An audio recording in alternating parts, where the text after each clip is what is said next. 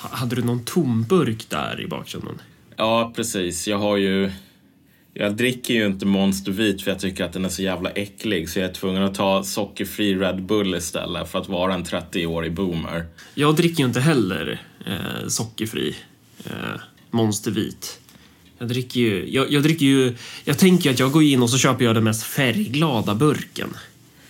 Ja, men du dricker Monster i alla fall. Så liksom, men du är Ja. ju inte, du är inte, eller har du fyllt 30 än? Så du kan ju inte vara en 30-årig boomer. Jag fyller 30 om en och en halv månad, ja. Ja, ja, ja, men då så. Då får du börja dricka sockerfri Monster då i så fall. Ja, okej. Varför? Alltså gud. Fan, alltså hör ni lyssnare vilken jävla klåpare som jag är tvungen att podda med? Bara, vadå, varför? Varför ska man dricka Monster vit när man har fyllt 30? Det är ett stort mysterium, Marcus. För man blir ju... Är det för att man inte ska bli fet? Alltså herregud, nej, vi, vi rör oss vidare innan jag känner att jag får en hjärnblödning här. Ja, okej. ja, vad är, det, vad är det för dag idag? Det är måndag den 11 november 2018, höll jag på att säga. 2019 är det nu i år. Eh, och ehm, jag har just gjort en statusuppdatering på Örebropartiets Facebook som har föranlett lite ledsna miner. Eh, jag bara konstaterade lite så här kallt, rakt upp och ner att ehm, Örebropartiet vill stänga de islamistiska skolorna, de islamistiska förskolorna. Vi, vi vill dra in bidragen till eh, vissa föreningar och vissa studieförbund. Eh, och vi vill att islamisterna ska flytta käpprätt åt helvete, typ. Mm. Eh, och det här kommenterar jag då i relation till den här artikeln om eh, när Säpo har gått ut och säger att ja, men det, det är ett litet problem här och det är ju att svenska staten håller på och, och, och finansierar islamister. Alltså vi pumpar in skattemiljoner i massa olika organisationer. Eh, Från, från, direkt från offentlig sektor. Och Säpo bara ser hur de här organisationerna får mer och mer pengar. Från, från kommuner. Från, från, från dina skattepengar. Och så skrev jag då också att det här är vad de styrande partierna vill göra. Och så gjorde jag ju bara motsatsen då. Ja, men de vill ju ha kvar de här islamistiska, islamistiska skolorna, eh, förskolorna. De vill ha kvar de här föreningarna och de här studieförbunden. Eh, och de vill gärna ge typ förtur till jobb och bostäder till islamister. Och det är ju, det är ju liksom, det exemplet har vi ju i Örebro, så han, den där Rasmus Persson, eller vad fan han hette. Alltså, det, det är ju rakt upp och ner så det ser ut. Och då så skrev jag också att eh, de här IS-terroristerna, de går ju mitt ibland oss för att de här politikerna vill ju att det ska vara så. Ja. Det är, det är precis så det är. Och då kommer folk in så bara, ja fast varför skulle de vilja det? Är inte det lite konspiratoriskt? Och så här, ser, fattar inte de här människorna vad det är som händer? Alltså det, det är ju inte som att jag tror att typ Stefan Löfven och Morgan Johansson har suttit på ett morgonmöte och bara så här kommit fram till att nej men det är nog bra om vi har IS-terrorister som springer runt. Det känns som typ någon, någonting som typ Jens Ganman skulle kunna skriva om i nästa Facebook-status. Det är lite på den nivån typ. Men, men jag är inte riktigt där än. Men, men däremot ska man ju konstatera att va- varför gör de så här då? För det här är ju resultatet av att de inte får tummen ur. Ja, exakt. Nej, men de gör så för att det är enkelt. Ja. Alltså det intressanta här som Och då, liksom har... då är ja. det ju inte fel att säga ja, de vill ju att det ska Ja. vara så här. Och, det, Alltså- och nu, om man ska vara riktigt, riktigt eh, ta det ett steg till så ska man ju också säga att eh, politikerna vill ju i princip att någon människa ska sprängas även nästa vecka. Att, eh, att det är någon som kommer bli knivrånad även nästa vecka. Att det är någon som kommer bli våldtagen även nästa vecka. Eller imorgon. Eller idag. Man vill ju det. Man gör ju inte tillräckligt mycket åt saken. Nej, alltså det roliga är ju i slutändan att man, sett, man, man vill ju sitta vid makten. Man vill inte ha makt. Man vill helst att så här, ingen ska ha makt för att då behöver man inte ha hittat på en ursäkt för varför ingenting händer. Nej. Ehm, Och, och det, hela det här diskursen, alltså det var något uttalande från Damberg eh, nu, att han, han tyckte att det var så... Jag kommer inte ihåg vad fan han sa, men han, var, han tyckte det var det är jobbigt att, att de här skjutningarna är kvar. Ja. Nej, men jag tror att det var något så här tragiskt att de kriminella får fortsätta Ja, flytta de- fram positionerna. Men fucking avgå då din jävla sopa. Därför att det är ju du och dina gelikar i regeringen som är ansvariga. Vad fan är det att rösta på folk som sätter sig i regeringen och bara det är väldigt tråkigt att det är någon som tillåter det här att fortsätta. Jo, men det är någon. Se dig själv i spegeln då. Alltså den passiva rösten när den används av politiker. Alltså det är ju, det är ju ett jävla hån. Ja, men överhuvudtaget när, när någon form av, av person i ledarposition skyller ifrån sig. Ja. Och, och, och liksom påstår att de här problemen, att man inte har ansvar för dem. Alltså som en ledare, du ska ta ansvar för det jävla regnet. Allt är ditt jävla ansvar och du ska vara där och försöka styra upp. Men de här personerna, de opererar ju på, på direkt motsatt vis. De är såhär, nej men inget är vårt ansvar, det här bara händer. Vadå, det blåste in lite rån över Skåne. Ja, det är så ibland. Vi bor i Sverige, vädret är lite så. Det har med klimatförändringarna att göra. Mm. Nej men alltså det roliga är ju i slutändan att typ det här illustreras ju så himla väl med um, de här uh, först de här som omhändertogs enligt särskilda ut, ut, lagen om särskild utlänningskontroll, utlänningskontroll då. De här salafistpredikanterna. Du, du menar de icke utvisade utvisade? Eller Ja. de utvisade icke utvisade utvisade? Ja, jo men precis. Folk som blir utvisade och sen så blir de släppta fria på gatan. Du vet, de, de blir fråntagna sin rätt att vara i landet. Men bara sen bara, ja okej, här, f- du får vara i landet i något så här juridiskt limbo. Med argumentet, nej men det kommer bli jobbigt för dem om de åker hem. Vilket ju inte heller är säkert, för vadå, många av dem där skulle ju tas emot som jävla rockstjärnor. Det är ju typ så de tas emot i Vivalla också. Vet du vad? Alltså, i ett land där folk kan hålla på och bara ignorera rapporter, projektioner och så vidare. Alltså, det fanns ju en del undersökningar som sa att så här, eh, invandringen kommer att kosta massor med pengar och vi har ingen plan för det. Och då bara sket man i det och sen sa man vi var naiva. En person idag som försöker på fullaste allvar hävda att man inte kan få något sånt här här får vi ett brev från den här blodtörstiga diktatorn som säger han lovar att ingenting dåligt kommer att hända de här människorna. Han svär på liksom så här pinky finger. Vad heter Eh, han? Kadyrov? Ja, men Han är- Kadyrov är är- i Vitryssland. Men, men, men liksom vi säger så att man, man Nej skulle... men nej, va? Nej, han i Vitryssland heter inte han något med Schenko? Ja, det kanske det är. Ja, men Kadyrov är väl inte det Tjetjenien typ? Jo, just det, det är det ju. Men de har ju lite problem med, med islamister också. Nej, men du vet, tänk om vi hade så här tjetjenska människor som kom hit och, och planerade att spränga bomber och bara Kadyrov. Och jag svär verkligen och respekterar de mänskliga rättigheterna här. Så här.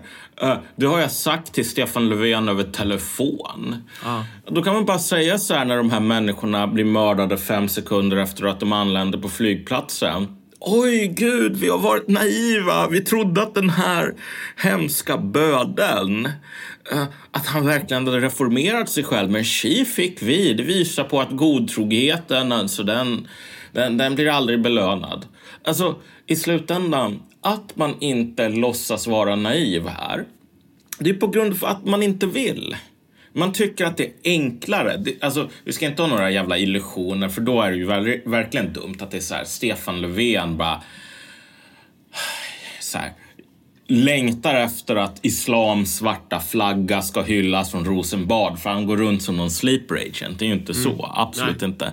Men, men däremot, det här, han och hela hans parti och det är samma grej med Moderaterna för övrigt, så det ska man ju inte ha stick under stol med.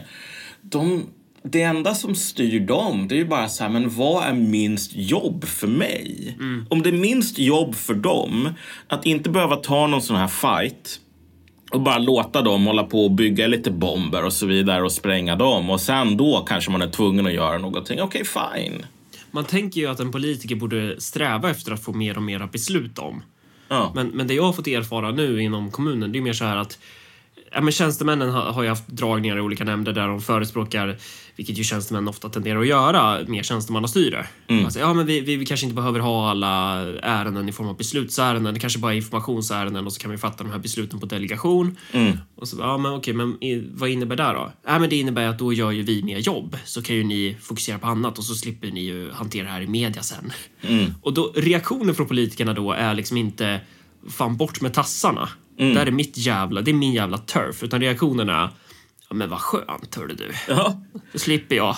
Vad bra, då löser ni det där. Ja. Alltså det, det är den attityden överallt, även här. Alltså det, det, och det där är ju så, det där är ju så extremt farligt. Folk brukar ju säga, ja men tjänstemannastyre det är ju så himla vackert och fint och bra. Det är ju så himla bra på i Sverige. Okej, men så här. tjänstemannastyre tar jävla upplevelsen av det i så här Kina. Mm. Det, är så här, det är jättekul med de här eunuckerna som de, du vet, man, man, man hugger av bollarna på dem så att de inte ska skaffa barn och så vidare och inte ha egna dynastier. Och det där funkar skitbra. De är lojala ända tills du vet, du har en kejsare som bara säger, ah, men vet du vad, jag gillar att jaga. Och typ Eh, eh, gå på teater. Så om ni gör allt jobb och så jagar jag och går på teater. Och så visar det sig att de här släpper inte ifrån sig det. Och de kanske typ inte är så jävla intresserade av kejsardömet så mycket som de är intresserade av vad fan de tycker är balt. Vilket kan vara att se till så att de tjänar mer pengar eller håller på med massor med galna ideologiska projekt som de råkar tycka är roliga. När man väljer bort den där makten, då behöver man slåss ganska hårt för att få tillbaka den igen. Och det är så här, grejen är ju att när katten är borta så dansar råttorna på bordet. Mm. Um, möjligheten till massor med galna grejer brukar öka ju mer tjänstemännen styr därför att då finns det inte längre någon modererande kraft kvar. Men återigen, jag tror att alltså, drömmen för dagens politiker är väl i mångt och mycket, ja, inte för någon sån här Christian Sonesson typ direkt.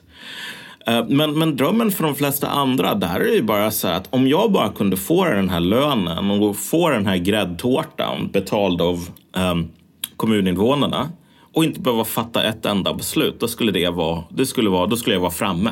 Alltså, tänk dig på de här snubbarna med, som nu är ute på fri fot. Och det värsta är ju den här killen som hade ett par hundra kilo kemikalier som man kan bygga bomber med. Ja, och, och, och bajonetter, och gasmask. Det, ro, det, roliga där var ju, det var ju, liksom, det var ju verkligen flera hundra kilo. Alltså det var ju typ ett stort jävla flak med kemikalier ja. som, man, som man kan bygga bomber av.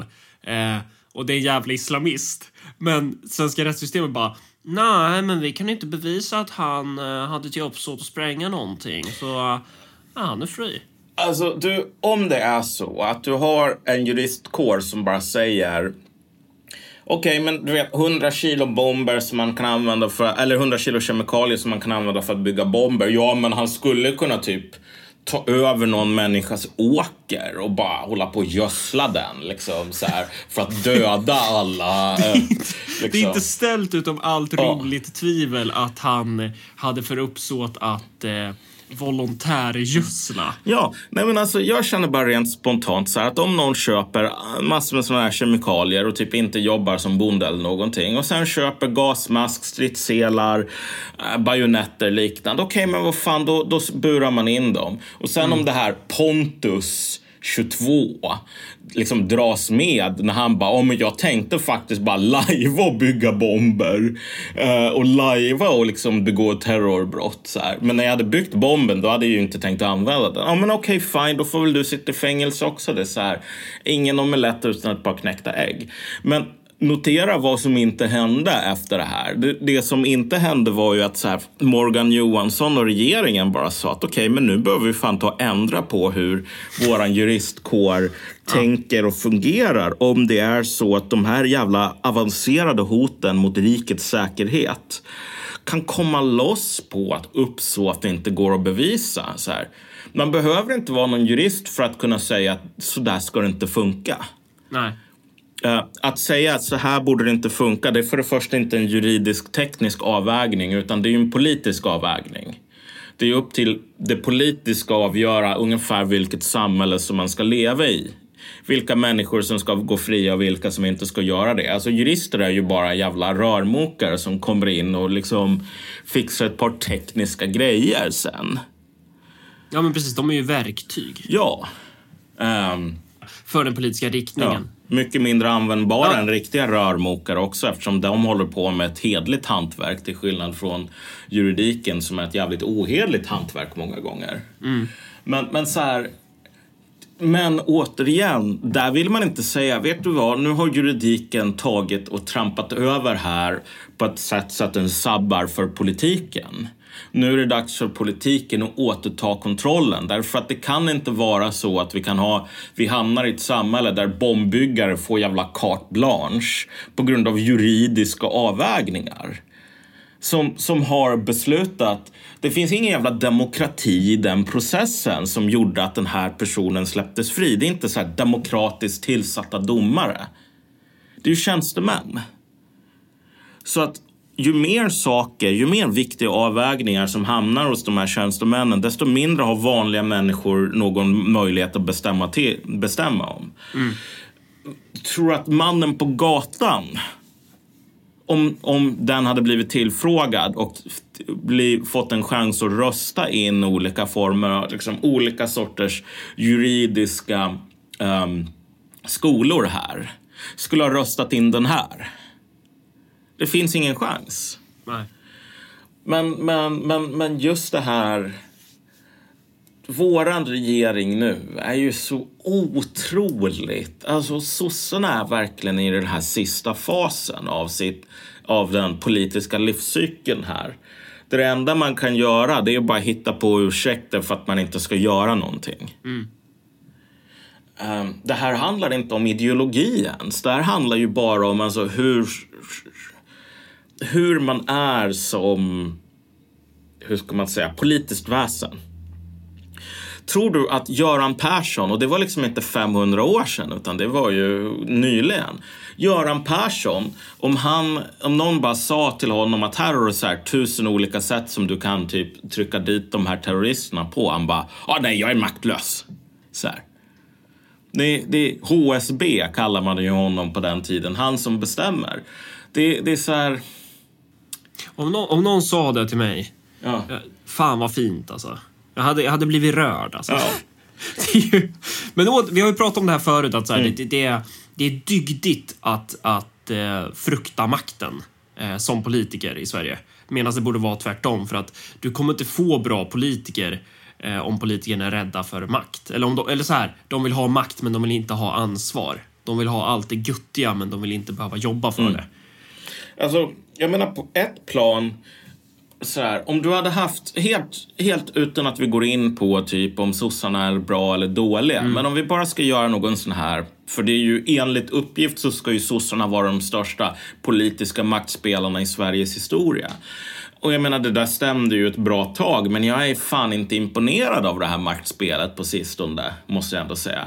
Tänk dig, tänk dig hur jävla kass göken är för sossarna. Vilket jävla självmord det är när man har ändå den här pacta sunt servanda grejen så att man, man vill inte bryta det för att då kan folk bli ledsna i ögat. Det smartaste man kan göra på tusen olika sätt när du har de här personerna som um, är jävla hot mot rikets säkerhet och sen bara blir släppta på gatan trots att de, de har fan beslut på att de inte ska vara i landet. Det är bara att säga så här, nej men nu tänker vi spärra in dem här. Och så bara lagstöd, smadstöd så här. Vi hittar någonting.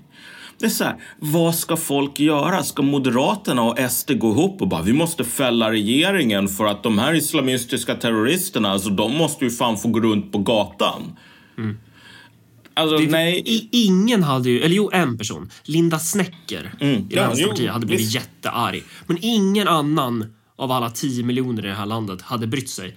Men det är ju alltså- skitbra att Linda Snecker blir jättearg. Hon skulle gå ut och säga så här att jag tycker faktiskt att det är viktigare. Alltså om de här människorna planerar att spränga ett dagis då får väl en 20 svenska barn dö därför att det är ja. här det här, det, hellre att 20 svenska barn dör än att vi är så här koloniala mot de här stackars rasifierade ter terroristerna. Det är ju, finns det någon bättre bättre metod att få folk att rösta mindre på Vänsterpartiet än att inbjuda Linda Snecker till att uttala sig om sådana här kontroversiella frågor. Mm. Hade man varit maktspelare och sossarna, då skulle man ju bara eh, försökt konstruera situationer där hon kunde öppna sin dumma käft sådär. Och den andra biten är ju att okej, okay, ska Miljöpartiet och Centern och L bara stå upp för de mänskliga rättigheterna här? I ett sånt här känsligt läge. Alltså det får de ju gärna göra, men då kan man bara, åh oh, gud vad vi blir vi blir helt chockerade över att ni vågar sätta så här, rikets säkerhet före eller liksom efter de här dumma principerna som inte ens funkar. Och typ, det är inte ens olagligt det vi gör, utan det är bara ni som tror det. Vi måste ha en rättsprocess i tre år på det här uh, innan vi kan verkligen säga att det är olagligt och bara spärra in dem och kastar bort nyckeln. Och det är så här, okej okay, visst du kan hamna i clinch med alltså, en massa jurister. Ja men, men ärligt talat, vem hade opponerat? Ja. Hade, typ, hade Uppdrag granskning överhuvudtaget tänkt så här, alltså de som är så jävla känsliga i övrigt, bara hade de efter ett redaktionsmöte kommit fram till att äh, vi måste lägga en jävla massa pengar på att, att eh, undersöka om de här imamerna verkligen behandlades rätt när de blev utkastade eller typ satt i någon fängelse i typ Centralasien som Sverige betalar en viss summa för, typ. eller något sånt där. Ingen hade ju brytt... Alltså, Jo, alltså det hade varit folk, men det är ju det som är den, den stora fina poängen. Att då kan Ja. man dra ut dem i ljuset. Därför att, Ja. alltså antagligen så skulle väldigt många svenska jurister bara säga att nej men vad fan, jag tycker också att så här, en 20 dagars barn borde dö än att våra heliga principer liksom, ens, att det finns en tillstymmelse till utmaning av dem. Men alltså den här idén om att 20 dagars barn borde dö snarare än att så här, någon jävla tingsrättsnotarie typ ska bli lite förnärmad över att ni gör inte juridik på rätt sätt. Alltså det är ingen åsikt med brett stöd. Och de här människorna måste man ändå ta en politisk kamp med ändå därför att det är fan de som håller på att släpper ut de här terroristerna på gatan. Man, man måste ta fighten med det, dem. det är sant, de hade opponerat sig, men det är ju lite det som är... Ja, det är det som gör det ännu bättre Ja, om man hade exakt. gjort det. Man hade ju tjänat på det ännu mer. Eh, för det, för det, hade ju, det hade ju smulat sönder det lilla motståndet som finns. Det hade ju stärkt ens makt ännu mer.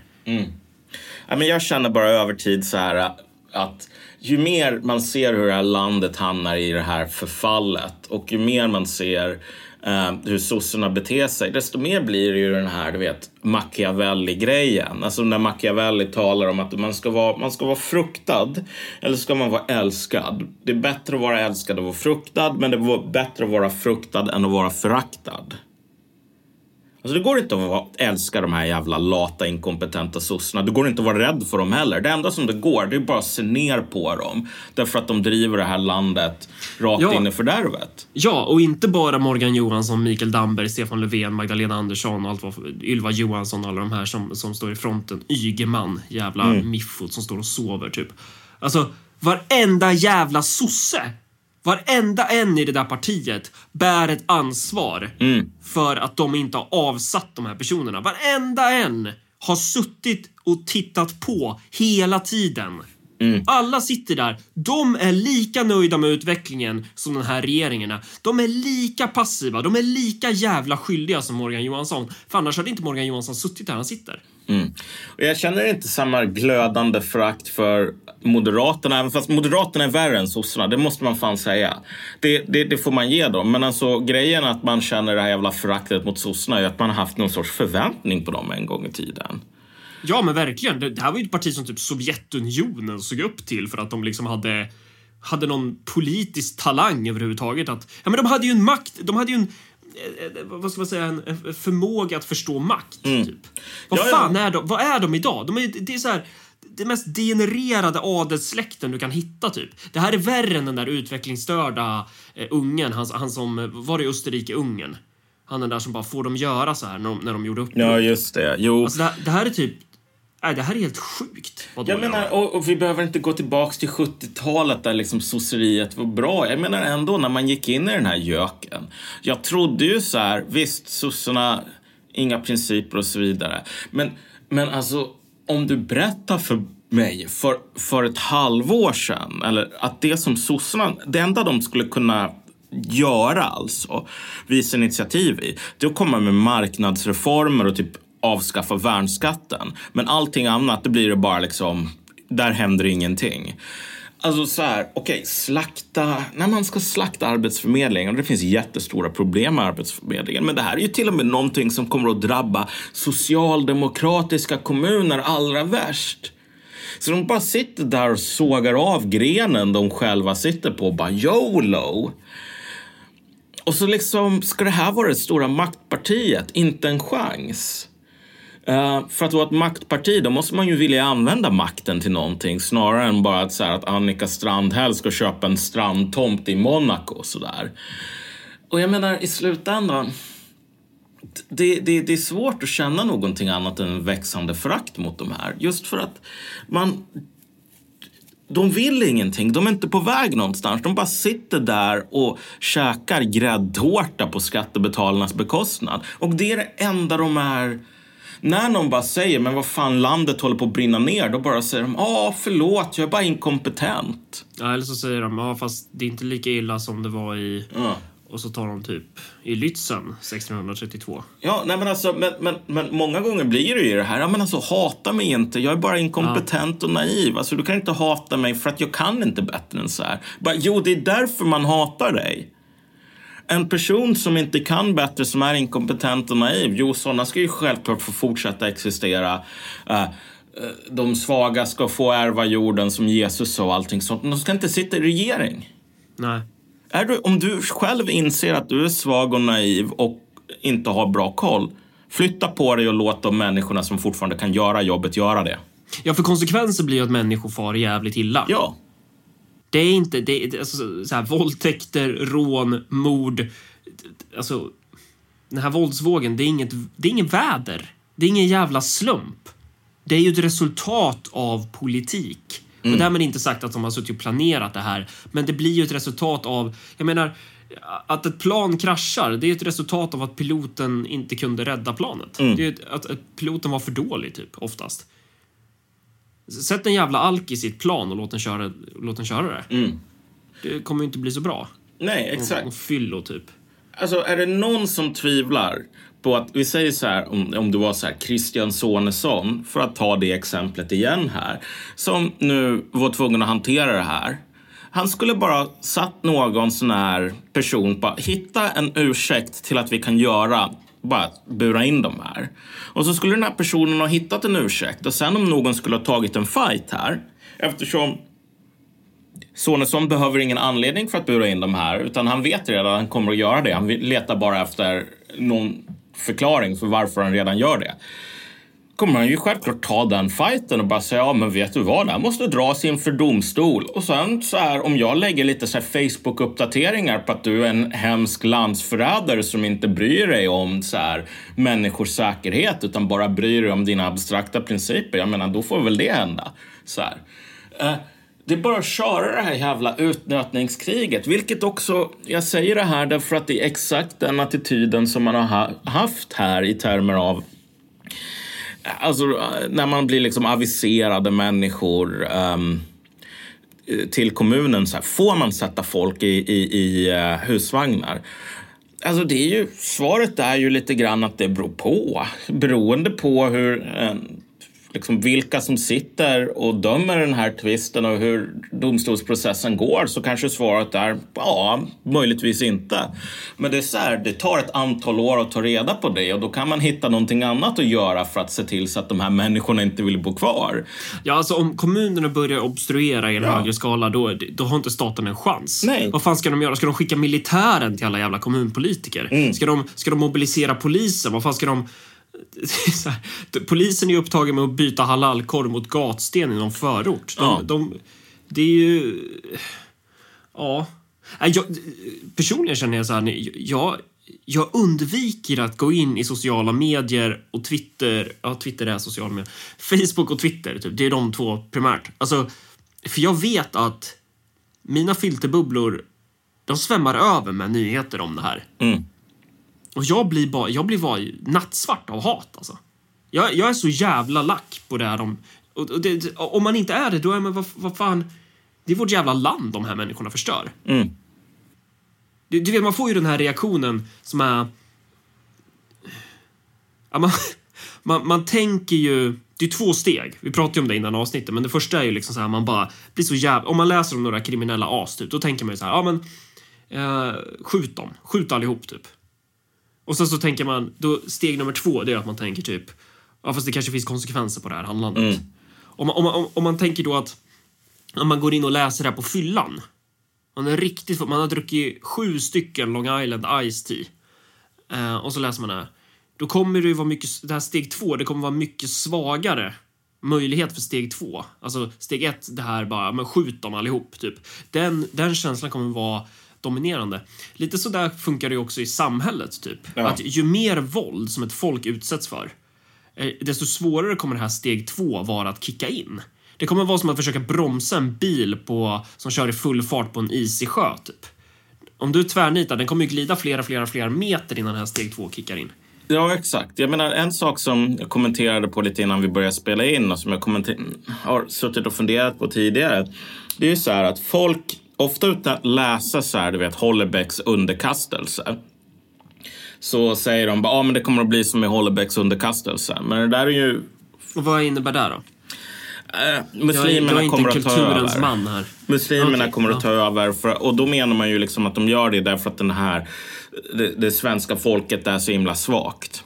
Det intressanta är att så här, den boken är ju lite mer subtil än bara, ja men muslimerna tar över för att de är så himla starka. Utan den handlar ju mer om att alltså den här de här människorna på typ DN och liknande, alltså den jävla klassen. De har ju typ, de är ju sådana somewheres, eller anywheres menar jag.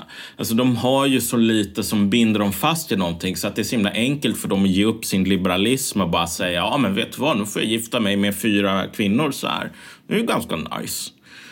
Uh, för det finns ingen som kopplar dem till Frankrike. Därför så kan de vara um, vara helt okej okay med den där sortens, ja men nu kommer det några nya mongoler och styr. Men, men folk tror ju att det här är bara en kommentar på den individuella psykologin hos den vanliga svenska odalbonden, så här, vilket inte stämmer. Um, och det intressanta är att när man tänker sig sådana här Sverigevänner, typ nationalister, alltså folk på extremhögern, då är det väldigt vanligt att höra det här att bara, ja men du vet, svenskar är kax, ingenting kommer att hända. Och jag bara slås av att antagligen, jag har ingen bra förklaring till varför det där är supervanligt, men det bygg, bygger inte på någon sån här historisk insikt, utan det bygger antagligen på att man själv känner att man är en kack. Man borde ta sin Remington och bara börja skjuta på babbarna så här. Och för att man inte gör det, då är man feg och därför så är det mycket enklare att tala om att hela befolkningen är feg. Mm. Men alltså, som du var inne på innan, den seriösa frågan man måste ställa sig är bara vad är din direkta reaktion när du hör, när du läser om någonting? När, när din dotter kommer hem och berättar vad hon har blivit utsatt för i skolan. Om, om din dotter kommer hem och berättar så att hon blir utsatt för så här, övergrepp och bara ja men det är bra att du vänjer dig för de här människorna det är faktiskt dina liksom det, det, dina superiors. Det är så här. Och sen så bara inser du, nej men jag kan ju inte säga till min dotter att bara hon får vänja sig för att det är de här människorna som kommer att äga henne. Utan vi måste ju hålla på och slåss, vi måste slåss för Sverige. Så här. Men, men, men din första reaktion bara, ja men fan hon får ju ta och lägga sig ner, luta sig tillbaka och tänka på England. Fine, okej, okay. hittar du en sån person då har du typ hittat motsvarigheten till en höna med så här vampyrtänder. Du får skicka in det till Guinness rekordbok. De flesta kommer bara säga, vet du vad, vi borde typ ta napalmbomba, liksom Gottsunda där de här killarna antagligen bor. Och sen bara, ja fast napalmbomba Gottsunda, det bor ju massor med så här äldre och tjejer och så vidare. Det kanske man inte ska göra.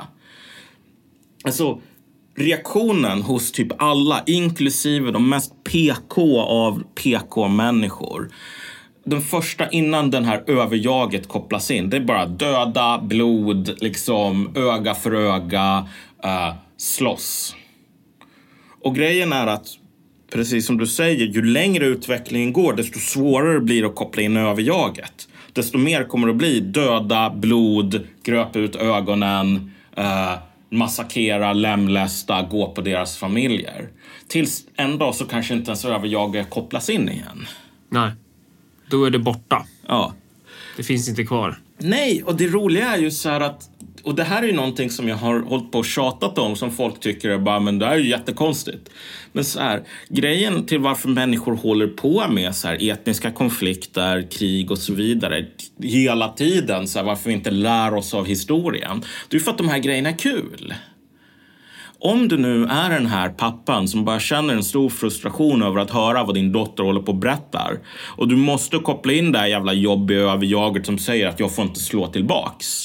Och sen så bara glömmer du det och så märker du att alla dina jobbiga boomer-kompisar som också har döttrar bara vi skiter i överjaget en stund och så bara lyssnar vi på våra impulser. Det är mycket roligare. Alltså bakfy... Alltså baksmällan här efteråt när man där står och bara shit, vad höll jag på med igår? Jag tog min Remington och sen är det svart så här. Mm. Det är inte kul. Men, men, men när man väl står där och bara håller på och skjuter på folk som det är jävla zombisar i Call of Duty så här. Det, alltså folk, människor tycker om det. Det är det som är det farliga här. Att alltså, vi, inte, vi är inte byggda för att inte hålla på med våld i grupp. Vi är byggda för att göra det. Det är en jävla överlevnadsgrej. För man tänker så här, vad händer i typ arabländerna mm. eller ja, Mellanöstern liksom ifall, ifall ja, men min dotter blir våldtagen? Okej, okay, men då kommer min, min klan kommer ju gå bananas. Mm. Alltså det kommer ju bli tjafs, det kommer bli skrik och bråk och det kommer vara så här bilar brinner, hus brinner, folk dör typ. Mm. Eh, men, men här så är det väldigt...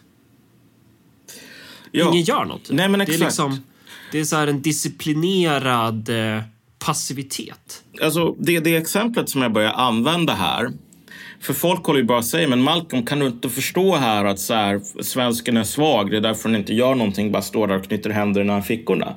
Det bara, och, och liksom okej, okay, jag förstår ju hur folk tänker för att an, an, anlända till den grejen så här. Men det är ju, det är ju totalt mot hur det egentligen funkar. Man kan illustrera det väldigt enkelt. Tänk, ta, ta tusen man. Mm. Och så har du dem i någon jävla Spanish Square. Så här, en sån här formation på, på ett stridsfält. Um, så här, stor rektangel bestående av tusen man. Så tar du tusen man till och så ställer du upp dem i en rektangel så här, ett par hundra meter bort. Så tar du ditt jävla gustavianska fältartilleri och så börjar du bara skjuta kanonkulor in i båda de här. Mm. Uh, och så ser vi att den här um, uh, um, rektangeln bestående av svenskar, de bara står där. Oj, shit, min brorsa blev söndersprängd. Oj, nu dog den här personen bredvid. Och så står de kvar. Mm. Och sen, och i den andra eh, rektangeln, då landar en kanonkula framför fötterna på någon och då börjar han springa och sen så ser de andra att han börjar springa och så börjar alla springa. Mm. Vilket av de här formationerna på fältet är stark och vilken är svag? Så här, är det så att typ när man som så här militärinstruktör ska ta några så här bondesöner från den belgiska landsbygden att man typ börjar med folk som bara oj shit, nu dog min så här brorsa. Nu, nu kommer kanonkulor och jag kommer att dö. Jag står kvar. Att man börjar med den instinkten. Och så måste de här stå där med piskan bara nej, du ska, du ska springa, du ska rädda ditt eget liv. Du ska inte tänka på liksom vilka order du har fått utan du ska bara agera på impuls annars kommer du få stryk. Det är ju inte så det funkar. Det är exakt tvärtom. Man börjar med de här jävla människorna som bara så fort det exploderar en granat och lite folk dör, då bara, nej nu vill jag inte vara med längre. Och sen så måste man genom enormt med arbete och träning få folk att stå kvar trots att de känner att de vill springa. Så liksom hela den här idén om att alltså, den här, det, det, det, det tecken på bristande individualitet att man har den här disciplinen. Ja, men det är ju det som är poängen också. Den här bristande individualiteten är inte någonting vi föds in i. Det är någonting som kräver en hel del jävla träning. Mm. Och när du har det där på ett samhällsmässigt plan, när folk har den här disciplinen så att man kan hålla på och spränga dem och beskjuta dem och så vidare utan att de alltså kör det här every man for himself. Du, vad tror du kommer att hända om de får order att skjuta tillbaks? Ja, men precis. För det är det som är att nu har vi en politikerkår som, som eh, den här officeraren för den där rektangeln då, den finns ju inte där. Mm. Utan de här soldaterna står ju bara där och väntar på order från någon som har supit ner sig själv. Eller liksom sitter och gör något annat. Eh, men om det skulle vara... Eh, om det skulle finnas aktörer som, som, ja, men som börjar initiera liksom olika projekt som mm som man väl ändå kanske kan skymta lite tendenser av på olika håll i landet. Typ. Då kommer ju de här, de här människorna kommer ju inte... Om man inte rör en fena nu så kommer man inte röra en fena då. Nej. Nej, och också så här, ju mer, ju mer man står där med de här kanonerna och blastar på de här desto mindre intresserade kommer de ju vara av att vara så himla skonings fulla när, det väl, när de väl är nära nog att börja skjuta tillbaks självklart. Mm. Det är inte så att för varje ny kanonkula som landas så bara fan de här jävla kanonjärerna eh, på andra sidan, de är ju riktigt bra killar ändå. Och grejen är ju så här att i termer av, det är därför som vi pratade lite grann om de här första instinkterna. Ju mer som det såna här saker sker, jag menar typ i termer av jag kan säga så här, en, en, en bekant till mig um, den personens barn var ju alltså inne på pizzeria Caprio i Uppsala när det var den här jävla skjutningen där en sån här utrikes utbytesstudent fick en kula i axeln eller vad det nu var. Så han var ju tvungen att gömma sig under bordet så här. Och då ställer den här personen den här frågan till mig sen bara okej, okay, men vad ska man som förälder säga till en son? Bara, det var värre på medeltiden. Nej, man håller ju käften. Det finns ingenting att säga. Men den personen, den föräldern, den fick verkligen inte den här reaktionen. Nej, men vet du vad? Kanske så måste vi typ ta och lägga ner sonens skola och så skicka de här pengarna till typ Gottsunda. Sonen får väl ta och dö då. Eller faster Agda, hon börjar bli gammal. Ja, men då får man väl avliva henne som någon jävla så här gammal hund typ. Mm. Så att man kan ta pengarna och lägga på de här liksom, våldtäktsmännen och knarklangarna. Därför att de är ju starka och vi är svaga. Nej! Och folk upplever när de blir anfallna på det sättet, det är bara så här, okej, okay, vet du vad, de får bomba lite mer ett tag. Men det är så här, våra, our boys på andra sidan engelska kanalen, de ska fan, de, de behöver ta eller så här, vi behöver ta de här tyska bomberna så att våra söner och döttrar på andra sidan kanalen kan till slut bara vinna över de här jävla hemska tyskarna. Det är inte bara, oh, men nu tar vi och, och, och, och, och avvecklar det här kriget. Vi bara ger oss, blir slavar. Det var ju mer eller mindre vad man trodde skulle hända i termer av alltså hur bomb Eh, alltså så strategisk bombning när man började ta fram de här hypermoderna bombplanen då som, som faktiskt kunde vräka ur sig så tusentals kilo bomber i en enda last och flyga väldigt långt och väldigt högt upp. Då trodde man att så här, bombflygplan i sig själva skulle kunna bara få folk att ge upp och inte vilja slåss längre i krig till och med när alltså, den brittiska regeringen trodde ju att alltså, britterna, det skulle bli Mad Max som typ tyskarna började bomba tillräckligt mycket. Alltså det skulle bli, samhället skulle falla sönder mer eller mindre. Um, och att, alltså det, du vet, ungefär som i en zombiefilm. Att alltså, hälften av människorna de blir ju så här, typ kannibaler så fort det kommer zombies. Det är så här, nu kommer det zombies, vad gör jag? Jag börjar döda andra människor. Så, så det vi är inne på lite, det är alltså att... Eh, ja. Att, att, det, det, skapas ju en annan grogrund för en annan typ av, av politiska reformer. Att mm. så här, world tension går ju upp ja, så inåt helvete. Men, men, men... Det möjliggör ju för, för politiker då att kunna ja, men kunna säga typ så här, nu drar vi in, så här, nu, nu tummer vi hela det här bostadsområdet. Nu har vi kommit med en integrationspolitisk åtgärd som säger att så här, du kan inte bo i det här, du kan inte bo i ett, du kan inte bo i ett invandrarområde om du är invandrare, utan vi måste mm. så här, dela upp er. Eller nej, du får uh, gärna bo där, men du kommer inte få en krona i bidrag. Nej, men exakt. Att man gör den typen av, av åtgärd och sen så flyttar de här människorna på sig och sen så visar det sig att jaha, uh, nummer två i den här uh, i den här processen, det är då att man säger att ja, du kan inte bo här heller. Eller att liksom de här personerna får svårt att få jobb. Alltså att du, när, när institutionerna börjar jobba så, eh, då, då, finns, då har man byggt upp ett folkligt, en folklig acceptans för det här som kommer ja. vara superdisciplin... Alltså den kommer vara tät. Ja, exakt. Så. Alltså, det, kolla i slutändan, det som folk håller på att se som den här totala svagheten här, att svenskarna bara står kvar när kanonkulelden regnar. Det är ju det som är svenskarnas absolut mest farliga vapen. Um, och det roliga med det som du tar upp här och det är, det är så jävla talande också för hur svenskar är, för att vi är ju masspsykosens folk. Ja. Alltså vi går ju alla på samma gång åt ett och samma håll i en och samma riktning typ. Och sen så är det någon som säger bara, men nu, nu svänger vi. Och så bara, då svänger vi i princip alla. Ja. Men... Det, det, det, det är väldigt... Ja, nej. Nej men alltså, det som du talade om alldeles nyss, rent konkret. Så Um, den här sortens typ att använda bidrag för att helt enkelt upprätta zoner där folk inte får bo. Det har man börjat med lite grann. Vi hade lite precursors, typ i Hults, Hultsfred som bara sket i lagen och sa att om du kommer till Hultsfred som ensamkommande så kommer du inte få leva på socialbidrag.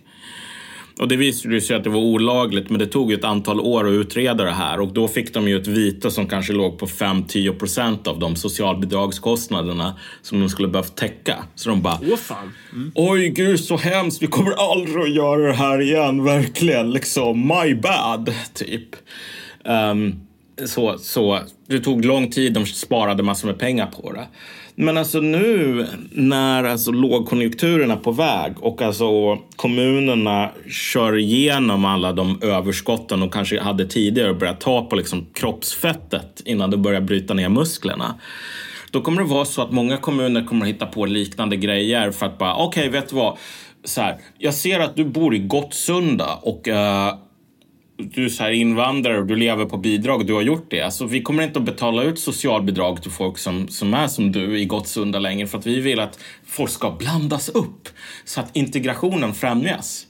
Och så kommer man ju vara helt jävla iskall med att så här, apropå ingenting. Det här är ju inte officiell policy, men bara så att du vet, du kommer inte få en bostad här i Uppsala därför att vi har redan pratat med de potentiella hyresvärdarna och de har kommit överens om att de ska inte ta emot massor med jävla socialbidragstagare. Så, här. Uh, så flytta till Tierp.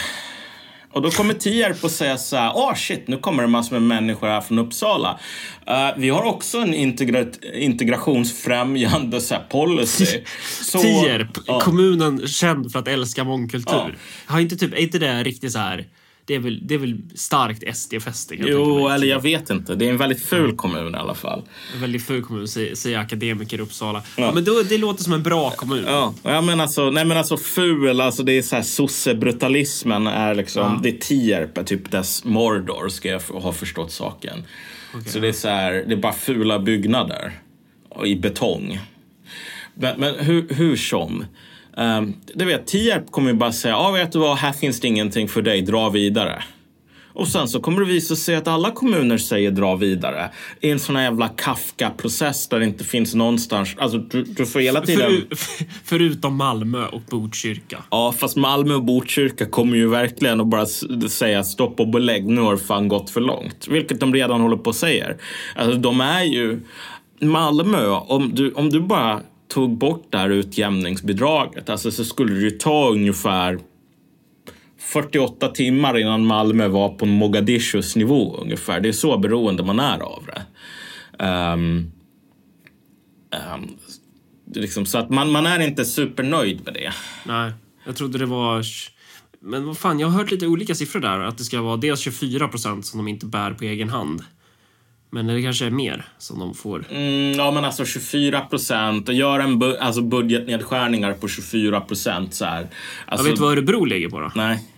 Vi ligger på 78 procent bär vi på egna, alltså 22 procent i mm. statsbidrag och utjämning. Mm. Så vi, vi är snart ikapp Malmö alltså. Ja, jo men precis.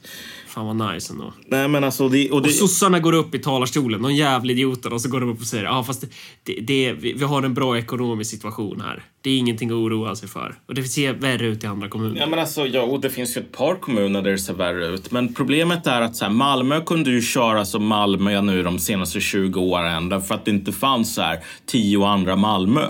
Men det är därför som det är jävligt dumt att typ växa med så här, 10 procent av befolkningen från så här, Mellanöstern, Nordafrika på en tio år. Därför att överlag, om det nu inte är så att det är bara raketforskare som kommer, så kommer det här att innebära en enorm jävla belastning på...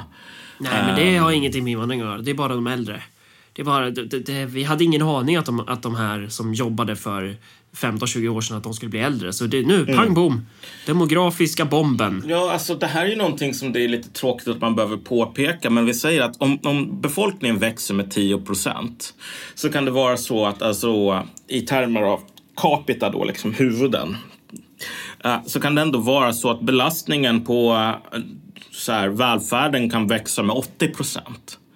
Därför att om de som 10 procenten som kommer är mycket sjukare och har mycket mindre jobb än det svenska genomsnittet Alltså, du tar bara in de som är så här belastande medan du inte tar in folk som så att säga betalar in. Vilket är ungefär det som har hänt. Saken är ju bara den att så här, ja, Malmös situation är jävligt dålig, men det är inte som att Malmö kommer att öppna sina dörrar för alltså den här liksom Exodus, utan de kommer bara säga stick någon annanstans. Malmö är fullt. Uh, de kommer inte ha fel om det för övrigt. Eh, och kan du tänka dig bara så här hur jävla svårt det skulle vara så här. Ja, Malmö ska växa med 15 procent nya invandrare så här. Alltså, och det kommer säkert att bli en 40 procent mer bomber, men, men eh, lycka till med det. Men vad tror du i övrigt då? Tror du, Nej, men, tror du att Malmö är, Malmö framtidsstaden här? Ja, i, i en ganska ja. stor mån. Därför att så här...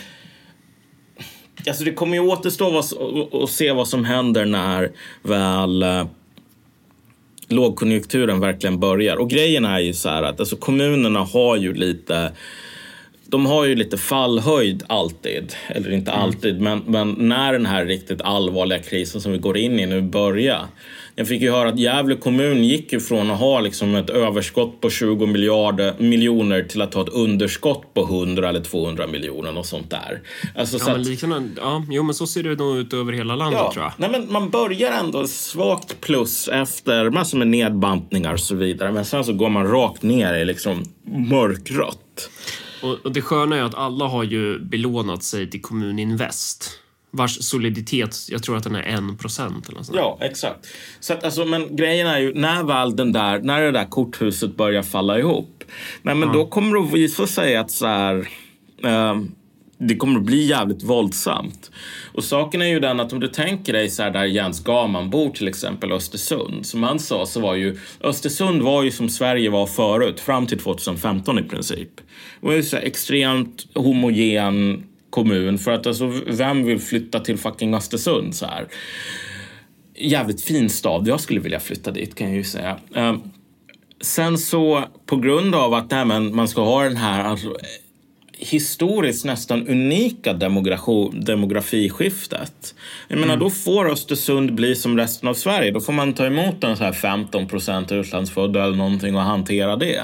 Och så blir det bara massor med jävla våld och liksom gruppvåldtäkter och sådana där saker. Alltså, men, men grejen är att det blev våld och gruppvåldtäkter när de här människorna fick sin sitt uppehälle betalat från staten. Vad tror du kommer att hända när de inte längre får det?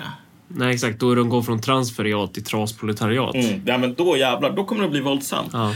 Men, men saken är ju bara den att så här, för varje nytt sånt här våldsdåd så kommer viljan till integrationsfrämjande såna här administrativa förändringar i liksom bidragsriktlinjer. Det kommer ju bara skjuta i höjden. Väldigt Ja, få... speciellt alltså de sista bastionerna kommer ju vara så här Även, även i den här toleranta medelklassen ja. så kommer det, det, det sista försvaret där ja. kommer ju vara helt... Alltså, det, det finns, jag kan inte tänka mig ett enda exempel på liksom den här politiska dynamiken som folk säger, typ enligt uppgift ska vara den enda som finns i Sverige eftersom svenskar är svaga för kack. Så att så här, ju mer bomber som sprängs desto mer känner folk bara ja, men nu måste vi vara öppna med att vi måste sluta hålla på och ha typ skolor för svenska barn och ge de pengarna till IS. Det är så här, det är inte som Vänsterpartiet går ut och bara säger så ens. Utan Vänsterpartiet och till och med Linda Snecker, till och med denna så här invandrande jävla katastrof. Eh, förstår ju att nej, men man håller nog tyst om de här grejerna. Man pratar lite mindre om dem. Hon är ju den där morsan i, eh, vad heter den där filmen om Östtyskland? Ja, jo. jo. Vad heter filmen? Goodbye Lenin. Ja, hon, hon är ju den morsan som, som har legat i koma. Hon kommer aldrig vakna upp ur koman, mm. Snacker alltså. Ja, fast alltså, ja, nej men du vet, okej, okay, det är ändå så att det finns lite reflexer. Man slår med den här hammaren på den här medvetslösa liksom, knäskålen så rycker det ändå till lite i, i, i, i benen. Alltså det här med att typ Vänsterpartiet fattar att nej, det är fan inte rätt tid nu att gå ut och säga att apropå ingenting, det måste bli mer pengar till, till förorterna. Så här. Alltså, nej, man är inte alls lika entusiastisk inför det som man var. Alltså, man håller ju på... Ja, jag vet inte. Jag tror att, jag tror att du, om, om ett år kommer du behöva säga jag har varit naiv. Jag tror att, att vi har inte sett det sista av Vänsterpartiet Nej, där. men, Alltså. nej, vi har inte sett det sista. Det skulle jag aldrig våga drömma. Jag skulle bara Nej. säga så här, jämför idag med 2015. Ja, ja, jo, okej. Har det gått så att, alltså det, har ju, det är ju mycket mer bomber idag än 2015. Är det mycket mer vänsterpartister som pratar om att nej men nu måste vi ta dra ner, vi måste avskaffa militären och ge allting till typ IS.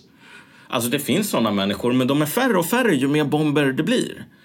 Och det är på den extrema änden. Sen som du ser så här till liksom vänstern lite mer generellt. Det här är ju någonting som håller på att splittra KP, leder till massor med splittringar så, leder till massor med människor som hoppar av Vänsterpartiet och sen lite eh, hos så här normala människor rent politiskt så sossarna har ju verkligen börjat vandra på en resa. De håller inte heller på att prata om att ja, men vi måste förstå att svenskar, de gillar att lägga sig ner och bli trampade på halsen. Men, men, men det känns som att alltså, när det gäller så här, vilka politiker kommer göra de här åtgärderna som du och jag tror kommer ske.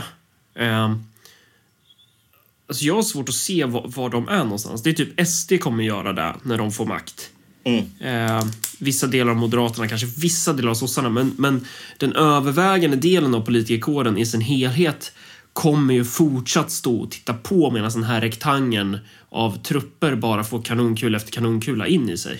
De kommer ju fortsätta titta på medan trupperna bara dör. Ja, men det, jag kan hålla med, men vi, jag tror att man behöver göra en uppdelning mellan olika sorters Ja. politiker här. Du vet såna här robotar som man sätter på JAS-plan för att skjuta ner andra. Det finns ju egentligen, man kan göra typ en uppdelning. Det finns de robotarna som är så här svindyra på grund av att de har ett eget radarsystem. Så de söker ju upp så här själv. Sen så finns det ju de som är mycket billigare som har den här passive eh, homing radar typ, vilket är att planet har radarn. Planet har styrsystemet, så att planets radar eh, liksom målar ut det här som roboten bara följer efter. Men vad det innebär är ju att om det här planet vänder sig om, för de flesta har ju en radar som bara pekar mot nosen sådär. Då, då slutar den här missilen och bara följa efter det här målet. Och grejen är så här att den frågan som du ställde, typ så här, vilka är de här aktiva radarsökarna? De som så att säga går ut själva och bara, jag tänker göra det här, jag tänker fixa det här för att det behövs. De är jävligt få. De flesta politiker i Sverige är jävla passiva radarsökare. Alltså, de har, om de om, om det kommer order eller att de ser att det här är det enda alternativet De, de är, ja jag förstår, de är de här mittenbrickorna i spelet Othello. Ja, alltså de har, ju, de har ju den här möjligheten att följa efter och agera och så vidare, men det kommer ju inte från dem själva. Det kommer från någon annan sån här stark vilja. Min poäng här är i slutändan att de, det behövs inte så himla många såna här aktiva radarsökare. Därför att om situationen blir illa nog, då kommer kommuner bara kopiera, för det gör de i ganska många fall. De bara kopierar någonting som de ser att andra kommuner gör. Och det roliga med det som vi talar om här, den här sortens, alltså du vet, använda den svenska general Winter snarare än någon sån här svenska SS-trupper sådär. Det är ju att du, det krävs inte en ideolog för att säga att nu har vi gjort den här ändringen i socialtjänstens riktlinjer som innebär att vi kommer att betala, vi kommer att ha så här integration som en bedömningsfaktor när vi betalar ut socialbidrag. En miljöpartist kan göra det utan att sluta vara en miljöpartist. Alltså visst, man måste hålla på och ignorera lite så här att okej, men vad det här de facto leder till är ju att så här, folk hamnar på gatan och det, poängen är inte att de inte ska göra det utan alltså så här, systemet är byggt för att människor ska hamna på gatan och därefter dra från kommunen. Men jag menar, Miljöpartister har den förmågan. De har den mjukvaran installerad i operativsystemet. Därför att vad fan har de här gjort med de här 30-åringarna som håller på att typ drar in 16-åriga tjejer i toaletten i gymnasieklassen så här? Eh, de har ignorerat det. De har varit humanister för att då, kan de, då, då måste de vara för att fortsätta vara miljöpartister. Och sen har de ignorerat de mänskliga kostnaderna. idén om att de skulle förlora den förmågan och ignorera de mänskliga kostnaderna nu, varför då? Mm. Speciellt inte med tanke på att en del av de här miljöpartisterna, det är fan deras döttrar som har gått i de här klasserna och liksom blivit utsatta för massor med trakasserier. Um, så, så poängen här är i slutändan att mm, så länge som du har en stark nog sökradar som faktiskt liksom leder arbetet här, då behöver de flesta eh, missiler inte tänka själva. Det är det som är den stora poängen, att man bygger missiler som inte tänker själva därför att de är billigare och enklare att göra med. Okej, okay, men nu har vi massor med politiker som är av modellen, jag har ingen egen, egen hjärna, inget eget söksystem, jag tänker inte själv. Mm. Det ser jag som en, någonting som gör den här processen, när den väl börjar ske, mycket snabbare än snarare tvärtom. Faktiskt. Därför att om de inte har en egen jävla sökhjärna, då har de inte en hjärna heller som kan säga att Nej, men det här är fel riktning att gå i. Då tänk dig de politikerna som du interagerar med. Jag menar, hur mycket principer har de egentligen? En väldigt bra fråga. Uh, det beror ju på vem som har sagt till dem vad man ska göra. Ja. Men då, om, vi, om, om det är där vi börjar med att jag har principer som beror på vem som säger åt mig vad jag ska göra. Alltså det är ju en, en väldigt lustig sorts principer. Därför att det, det som normalt sett starka principer, de, de gäller ju lite oavsett. Ja, verkligen. Um, nu fastnade jag i att tänka på hur de människorna är mm. i kommunen. Um, ja. Nej, men jag, jag, jag tror så här att på ett plan den här, den här situationen som svenskarna har backat in i. Och jag menar, man får faktiskt ge lite, folk lite credit här. Att, alltså, de tror ju på allvar att det är så att om folk inte tänker själva, då kommer alltså, det, det kommer inte att bli någon motreaktion. Och du vet, om de står kvar där när kanonkulorna regnar, då är de svaga. Alltså, det, är så här, det, är den, det, det är de antaganden folk har gjort för att de inte vetat bättre. Men, men jag ser liksom mycket mer av en förutsättningarna för nästan en sorts perfekt storm här. Um, en perfekt storm som kommer i att alltså alla är så himla bra på att följa de här orderna och bara inte fråga om de mänskliga lidandet. Det här är ju, vi hade en jävla training camp för att typ skita i konsekvenserna i Sverige 2015-2016. En sån här ja. enorm militärövning där folk bara försöker komma så nära den riktiga krigsupplevelsen som, någon, som det går. Det var vad vi höll på med. Och Sveriges jävla eh, militär här, eller Sveriges politikerkår. Fy fan vad de klarade det provet. Med flying fucking colors klarar man det provet. Att oj, nu händer det massor med dåliga grejer, men vi bara kollar åt andra hållet. Alla klarade det. Och nu verkar det som att vi går mot en, när man verkligen behöver det här för att säkra landets jävla överlevnad. Tror folk då att de kommer att glömma den här träningen de har fått? Det tror inte jag. Nej, nu händer grejer i mitt huvud. Det, det är därför jag är tyst. Men frågan är ju alltså. Jag tror, jag tror absolut att det är så att, att så här, många kommer bara vara tysta. Mm. Och, att, och då handlar det ju egentligen om Alltså om du vill få en förändring, då behöver du bara ockupera vissa nyckelpositioner. Ja. Då behöver du bara ockupera de här, precis som i spelet Otello, mm. heter det. Jag vet inte om jag sa Hotello förut, men Otello. Ehm, det är ju det här spelet som, som, som brukar finnas, det, det brukade finnas på lekis typ. Mm. Så här, en typ grön, ehm, det är vita och svarta brickor som man vänder. Ehm, och sen så är det liksom, om du har samma färg om du har till exempel tre stycken svarta och så är det en vit på vardera sida om de här tre. Mm. Eh, då vänds de här svarta brickorna till vit. Mm. Eh, och det gäller ju att ockupera de här kant, eller liksom positionerna längst ut då, så man kan vända de andra brickorna. Att, att ockupera strategiska positioner och då kommer de här liksom inte självtänkande politikerna bara att apa efter. Men, och det är ungefär det, den typen av problem vi har nu. Ja. Då det är liksom rådgivare eller vad, vad det nu kan vara för strukturer som gör att de här personerna jobbar i samma hjulspår och det inte händer något nytt. Men, men, men det man vill veta är så här, vilka är målsökande och självtänkande missiler eh, i det här landskapet och vilka är inte det? Alltså, Och, och, hur, och hur skiljer man på det? Är det svart eller vitt eller är det rent av en gråskala? och jag tror att det är en enorm gråskala på grund av Ja. att alltså, vad vi går emot är inte en situation där folk bara, ja ah, men vet du vad, jag vill rädda moder Svea, därför kommer jag att typ skära ner på bidragen sådär. Utan där de Ja, men strukturella de kommer ju motiveras trycken. av, av sin klassposition. Ja. Det kommer ju snarare vara, jag vill rädda min position, därför kommer jag. Så är det ju självklart. Men sen är det också så att jag menar skära ner på bidragen det är ju någonting som kommer att hända liksom, oavsett om folk vill det eller inte. Alltså det behövs ingen aktiv vilja i många av de här sak- avvägningarna på grund av att alltså, det är det enda alternativet. När, äh, när kommunerna går in i den här enorma ekonomiska krisen många är på väg mot. Alltså, då är det så att visst liksom, å, å ena sidan och andra sidan så här. Men om man ska skära ner på någonting då kommer man att skära ner på de här grejerna i Gottsunda och Vivalla och så vidare. Därför att det är det enklaste sättet att behålla makten. Det är mycket enklare därför att det det är färre människor som röstar där och det är också så här, man förstår ju vilka typer det är som röstar framför allt. Och sen också så här, det är inte tillräckligt många röster. Och det är också så att så här, om du bara säger att, ja men vet du vad? Sverige var bra, men nu tänker jag som svensk politiker bara se till så att folk i Vivalla får så mycket pengar som möjligt och sen kan i avvaktan på liksom kultur, folkutbytet så här att det fullbordas.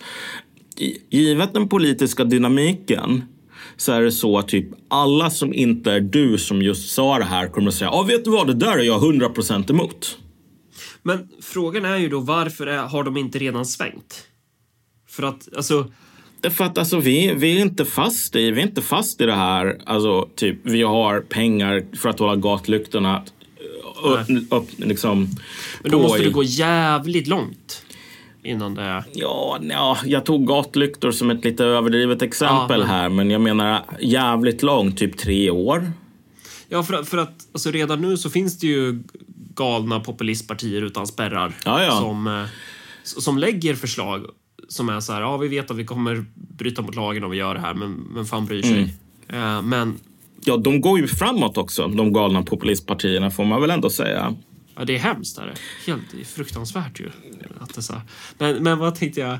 Ehm, Men vi, vi, men ändå får vi ju inte medhåll liksom. Nej, men, men, men som sagt, alltså, situationen är inte allvarlig nog. Men om vi tänker oss hur lång tid det kommer att vara innan den situationen är så allvarlig. Jag menar, bara tänk de här senaste sprängningarna och så vidare i Malmö, vad det har gjort med... Det, det, det sjuka är, jag fick ju så himla... När jag, skulle, sk- jag började ju skriva den här ehm, grejen till, till fransmännen i augusti. Och nu är det november. Och ja, det är inte många månader. Men alltså hälften av den känns bara redan obsolet. Som att jag skulle vara tvungen att börja alltså, byta ut hela SN. För den ändå utgår ifrån liksom någon form av stabilitet som vi nästan har förlorat nu. Alltså, bara de här senaste sprängningarna, avrättningarna och så vidare i Malmö. Plus den här grejen med, oh shit, vi ljög om de apatiska barnen. Eh, Och så imamerna. Ja. Och så typ nu när Säpo idag, de bara går ut och bara vi sponsrar terrorister Ja, alltså- från svenska staten. ja. Alltså varf, varför, går, varför typ, tycker inte CIA att vi är ett jävla säkerhetshot mot Europa? Typ? Jo, jo, men, alltså, men det är ju det som är grejen. Du vet, under så här värsta så här kapplöpningarna man skulle bygga balla skepp innan första världskriget så var det ju så att när, när det var som mest galet så när du börjar, du börjar planera ett skepp och så tar det två, två år att bygga typ. När du har byggt skeppet färdigt då måste du kassera det för att det är, fort, det är redan omodernt. Ja. Och så kändes det lite grann när jag skrev den här grejen att alltså under den tiden som var mindre än ett halvår, liksom ett par månader som jag höll på att skriva den här sen så hände det så många nya politiska utvecklingar i Sverige av liksom förändrat så här, medelekvilibrium här. Att egentligen så är den här, den har redan blivit obsolet. Um, så att det är den situationen vi befinner oss i nu. Att visst, det krävs en hel del liksom, förvärring. Men vi får tänka oss att nu går ju liksom utvecklingen i en sån enorm takt så att typ två år är en enormt lång tid. På två år kan nästan allting hända just nu. Och två år är inte en lång tid. Det var inte en lång tid 2006. Två år var två år då. Men nu, nu är två år någonting helt annorlunda. Men när väl det här börjar hända så kommer du dels att ha, alltså du kommer ju ha ett evolutionärt tryck om vi säger så på de här, de här aktiva viljorna. De här Christian Sonesson-typerna som kommer att hitta på massor med nya hyss, självklart. Men även den tråkigaste jävla centerpartisten eller miljöpartisten eller liberalen kommer bara att okej, vill jag verkligen vara den personen som säger att Nej, men det blir ingen skola på fredagar. Det blir skola i typ tre dagar i veckan och sen får folk sitta hemma och läsa på Wikipedia. Vill jag vara den personen som säger så? Och inte dra ner på bidragen till de här människorna, liksom, liksom religiösa samfunden, islamistiska skolorna, och allt det där. Och typ, om inte de är extremt modiga så kommer bara deras passivitet att tvinga dem att göra det som är rätt för landet, så att säga. Så att det kommer att vara svårt att verkligen i slutändan märka skillnaden på de såna här robotarna som har ett eget styrsystem och de som inte har det. För att alla kommer att röra sig i ungefär samma riktning i nästan samma takt. Alltså om det skulle bli så, vilket jag också typ tror. Men sen så, det är min steg ett-känsla. Ja, så där kommer det bli. Steg två-känslan här, det är ja, fast å andra sidan. Eh, för det finns ju ganska mycket... Det bara känns som att ju mer jag lär mig om politik, desto mer... På, på ett sätt, desto mer förutsägbart blir det. Men sen är det också så här, vissa saker är jävligt oförutsägbara. Jag skulle ju vilja ha ett datum för um, X, Y, Z. Men, men, men det är väldigt rörligt. Ja. Eh, och, och de här politikerna, alltså jag har så jävla låg... eh, jag vet inte alltså. Om, om det kommer vara så att alla kommer marschera i takt på det där sättet typ. Jag tror att vi kommer se väldigt mycket av att de bara kommer gå sönder. Och jag tror att, men, men jag, tror, jag tror inte heller att det kommer vara en så här clean... eh, Vi pratade väl om det, jag vet inte vilka avsnitt det var vi pratade om det, eller om det inte var i något avsnitt, det kanske bara var i telefon. Men att det jobbiga här kommer ju vara det här liksom vakuumet som uppstår. För den materiella utvecklingen går alldeles för snabbt för att den politiska situationen ska hinna med. Eller för att, den, för att politiken ska hinna med. Så det är en sån jävla stor mismatch. Bara där du berättar om det här med din text. Alltså här, du håller på att greja med den i tre månader. Eh, och eh, när, när den är klar så är den inaktuell. Typ. Att det säger någonting. Alltså, det ställer ju en annan typ av krav på politiska organisationer som är, som är, som, som är enorma maskinerier eh, som redan är lika svåra att svänga som Titanic. Typ. Alltså att de här ska försöka navigera i det här klimatet och att de här politikerna ska, ska försöka navigera i det här klimatet utifrån de strukturer som de är vana vid. Ehm, men ja, Alltså, det, ja, det, jag förstår den invändningen och jag tror att du har rätt i att alltså, det här systemet, alltså politikerna, det systemet som de har byggt upp kommer att gå sönder. Men en av de sakerna som är mest intressanta med det här med typ lokalpartier. Jag skrev typ en krönika om det nyligen i GP, att alltså, du vet, de är här för att stanna. ja, man kan nästan tro att vi känner varandra. Ja, jo, jag vet, jag vet, det är helt sjukt. Ja. Men ehm, det som inte fick plats där var ju så här att det är en sak med typ Marcus Allard eller någon sån här person som är typ, ja jag var sosse men sen så hoppade jag av eller jag var sverigedemokrat sen hoppade jag av och så startade jag ett eget parti. Så här. Alltså folk som ändå kommer från politiken i någon bemärkelse. Det är där man börjar. Och sen så... Sen, sen har du ju de vietnamesiska bondpojkarna också. ja. Som går in i Vietcong fast de inte har någon kommunistisk eller militär Ja, bakgrund. så är det ju. Jo, men om vi, och då, då talar vi om så här, vilka som håller på att dras till politiken nu. Ja. Eh, men den andra biten som jag tycker är mest signifikant här ur, ur så här systemhotande perspektiv. Det är faktiskt inte partiet som Örebropartiet utan partiet som typ oberoende realisterna. Alltså för vad det säger. Eh, när du har så här folk som är och har som också som identitet fortfarande att jag är den här oberoende tjänstemannen. Jag är... ehm, Ja, just, just det namnet är så jävla talande. ja, jo, exakt. Det är helt, det är så, det, är 10 av 10. Ja. Nej men alltså, betoningen ligger ju här på oberoende. Alltså de är inte, partiet oberoende realister. Alltså de håller ju inte på med den här Zizekиanska liksom att man lurar sig själv och tror att man inte har en ideologi eh, genom att säga att man inte har det. Men det är det mest ideologiska någonsin. Okej, okay, fine, Zizek har rätt där. Men när du får läkare, poliser, såna där grupper som bara, nu startar vi ett parti för att ta över förvaltningen av den offentliga apparaten som politikerna har bara misskött. Ah. Så här, du vet, vad händer egentligen om så här, maskinisterna, alltså folk som jobbar nere i maskin på Titanic går ihop och bara vi är maskinister och därför så har vi liksom organiserat oss här för att rädda båten. Uh, det är ju ett, det är ett allvarligt tecken i den mån att så här. Det visar att de människorna, de agerar inte på grund av att alltså, politiska ideal, deras ideologi blir inte tillfredsställd utan för att de tycker att alltså, systemet som de är delar av är hotat.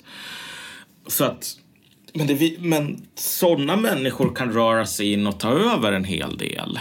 Du kommer att få jävla många oberoende realistpartier. Vissa kommer att bestå av massor med poliser. Andra kommer att bestå av massor med läkare. Andra kommer kanske att bestå av kommunaltjänstemän. Men de kommer att vara så här, vi bryr oss inte så himla mycket om politik. Vi bryr oss om att se till så att alltså, kommunen fortfarande funkar. Vil vilket man tänker inte är politik då. Ja, jo men precis. Ja. Men, alltså, men, och, men det finns en, en allvarlig det finns ju liksom någonting allvarligt menat där med att man säger att ja, alltså, ja. vi, behöver, vi behöver hålla huvudet ovanför vattnet och sen så kan vi diskutera åt vilket håll vi ska simma. Men först måste man se till så att man inte drunknar. Att, att de har den begränsade målsättningen och typ kan vara väldigt framgångsrika är ju tecken på att alltså politikernas tid här, de här gamla dekadenta politikernas tid, den är ju snart över. Därför att de vill ju inte...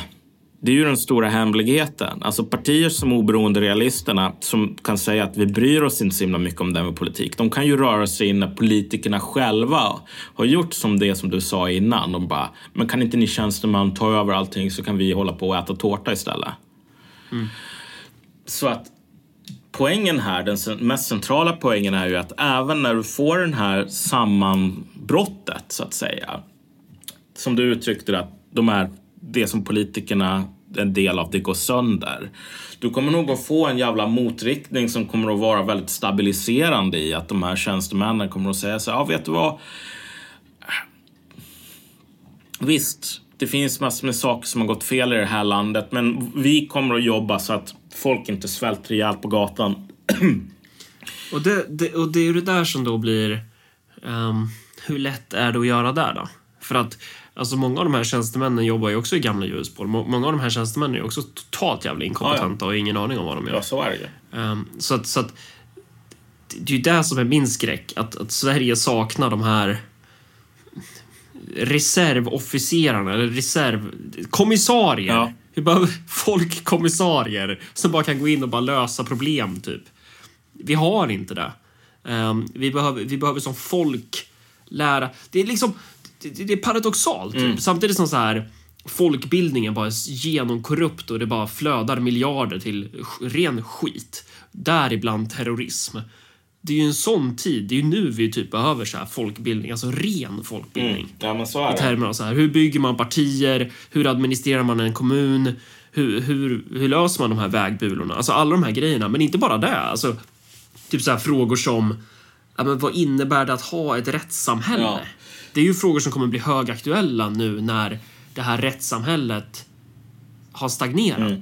Och på grund av det...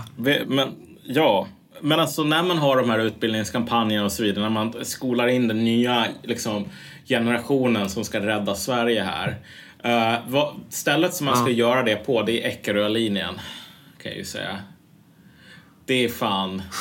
Det är så här, man behöver bara ta en jävla tripp på Eckerölinjen för att se liksom det här stolta Svipjords söner och döttrar liksom kommer aldrig att kuvas. Det är fan verklighetens folk. Eckerölinjen. Ja, jo, Eckerölinjen på en dag när det är liksom bara så här pensionärer. Man får en Jäger och en stor stark för 67 kronor. så här, du vet, när jag känner mig så deprimerad, då tänker jag bara jag borde ta och åka den igen. Så här. För att då ser man ändå den här att den här tråkiga liksom hållfastheten i den svenska myllan. Så här. Uh, nej men du, du har ju inte åkt den så du vet inte vad jag pratar om. Du Nej, jag men jag är lokal politiker. Jag är lokal politiker i Örebro. Ja. Alltså, Sverige är ju ingenting. Det är fan jävla akademiker från Uppsala. Det är bara gå in på valfri pizzeria. Ja, ja, ja, okej, men det fan att du ska hålla på kalla mig akademiker också. Trots att du vet att jag inte har några högskolepoäng. Ja, jag mer. Jag har typ... Hur många poäng har du? Typ, jag vet inte om med det nya systemet, med det gamla hade jag typ 20. Vi- Vadå det gamla? Ja, men det, jag vet inte, de har typ bytt, men det är typ 20 eller 40 i alla fall. 20 eller 40, kanske 30. Ja. Läste du en hel termin eller en Ja, halv? Eller typ någonting sånt. någonting sånt? Ja. Ehm, ja, då har jag mer än dig. Jag har näst... Jag har motsvarande... Jag är som en Arnstad här. Jag har en kandidat. Jag har fan inte hämtat ut min kandidat.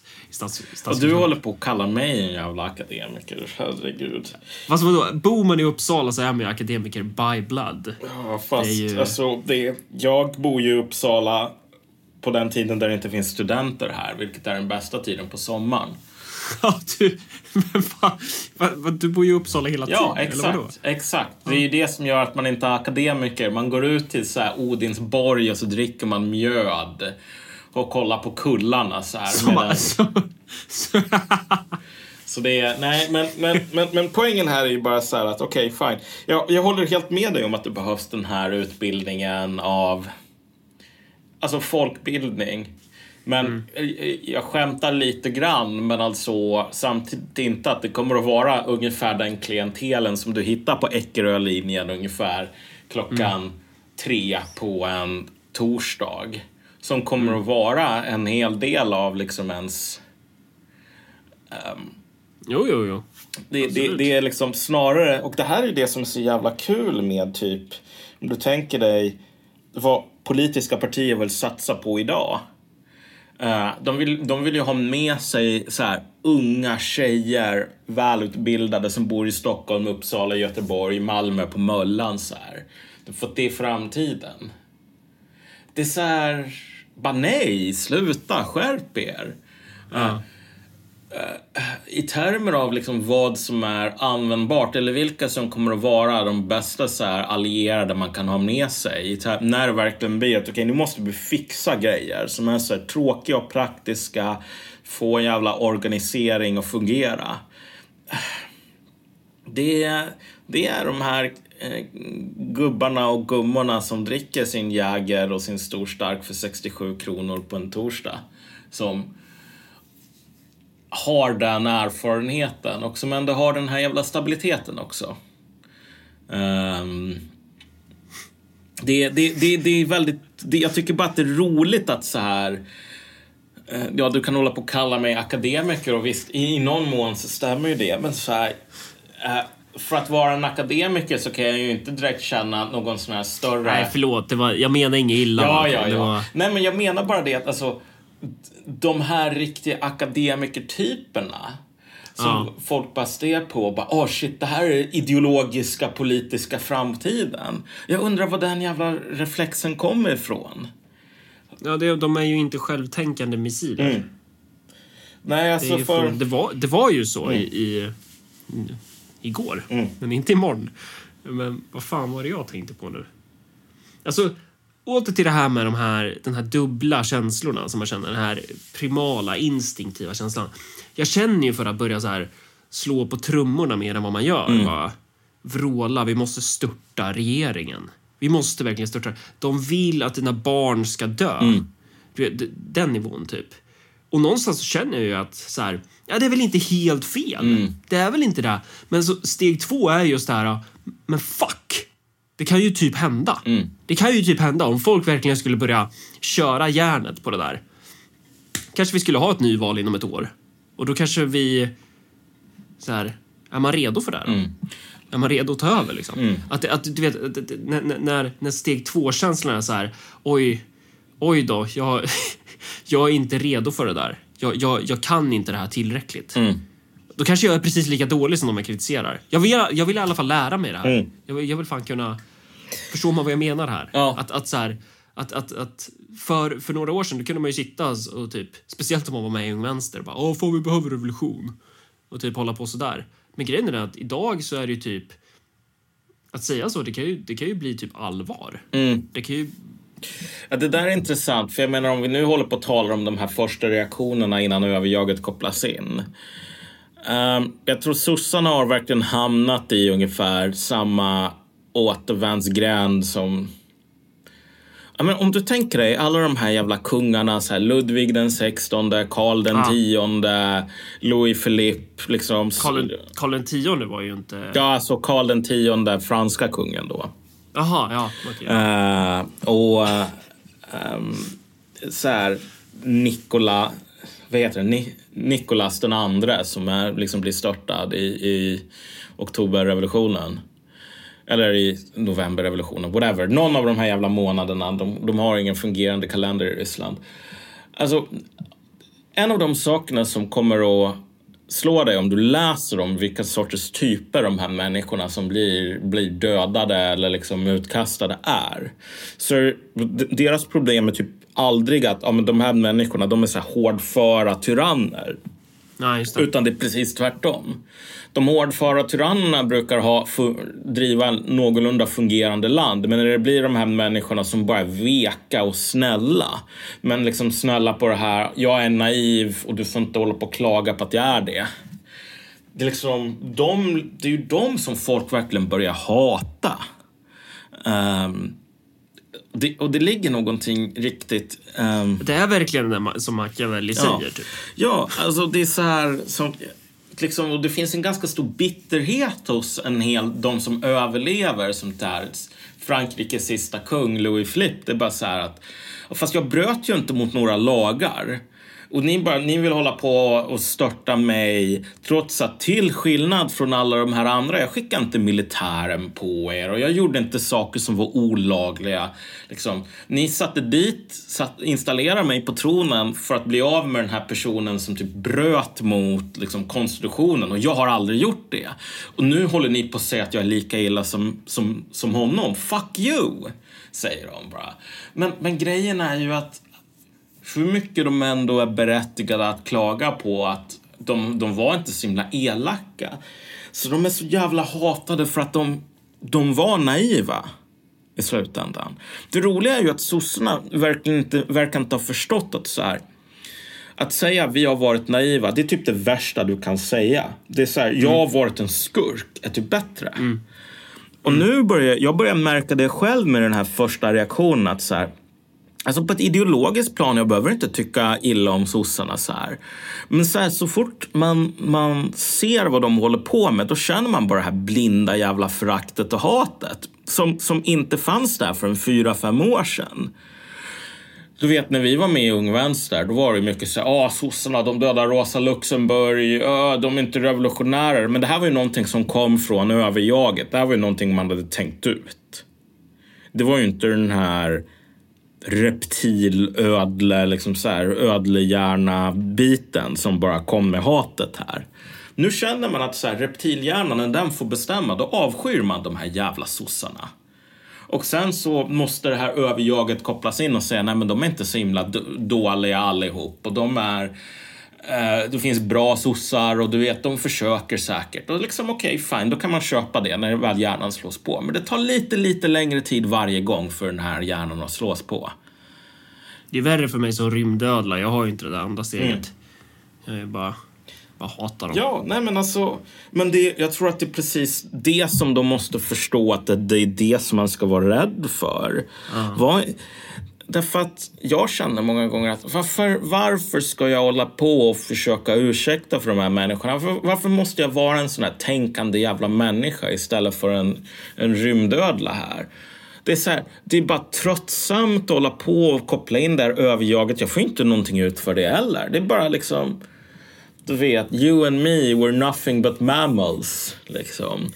Um, alltså man, man känner mycket mer att bara, förr eller senare så kommer jag skita i och, och, och låta överjaget få bestämma och bara, bara hata.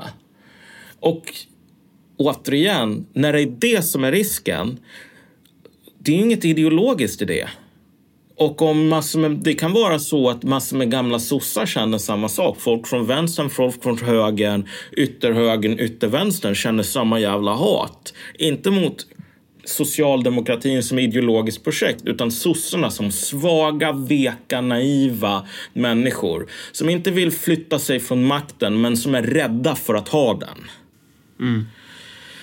Blir man föraktad, alltså då är, man, då är det över.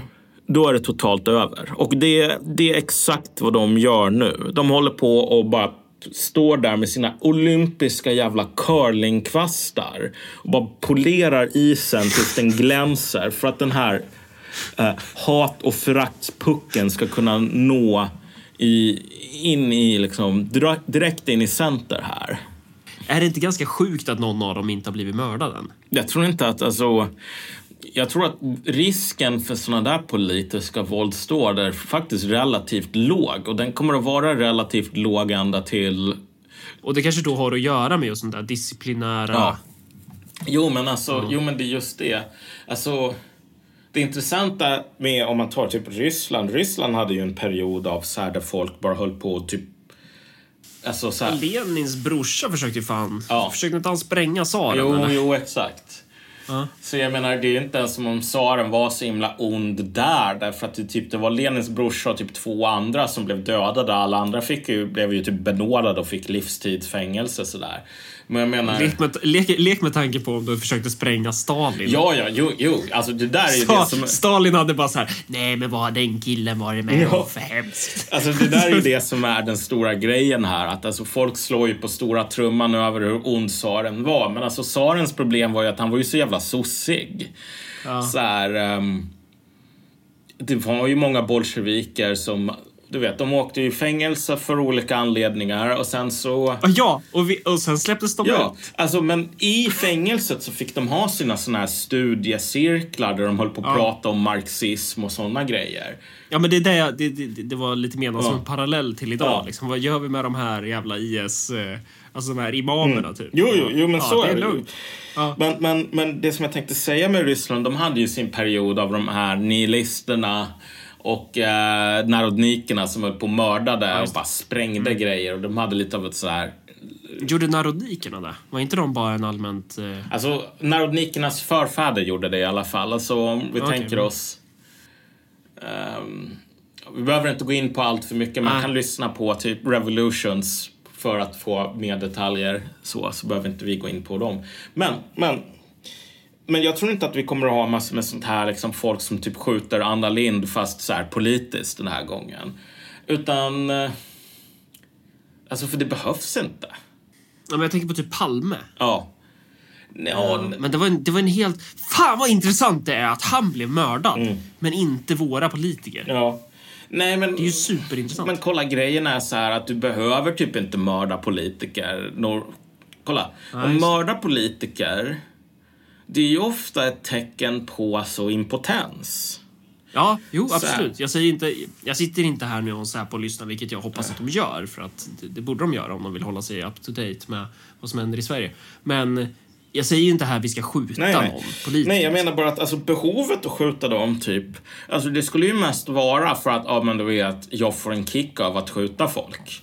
Ah. Det är inte så här att man behöver skjuta Stefan Löfven för att han ska tappa makten. Uh, utan vad du snarare kommer att få i, i, ett läge som vårt, det är ju bara att alltså, folk kommer att sitta där med, med händerna i fickan. Och sen så kommer det att bryta ut, ja men typ ta, ta bästa exemplet så här. DDR. Ah.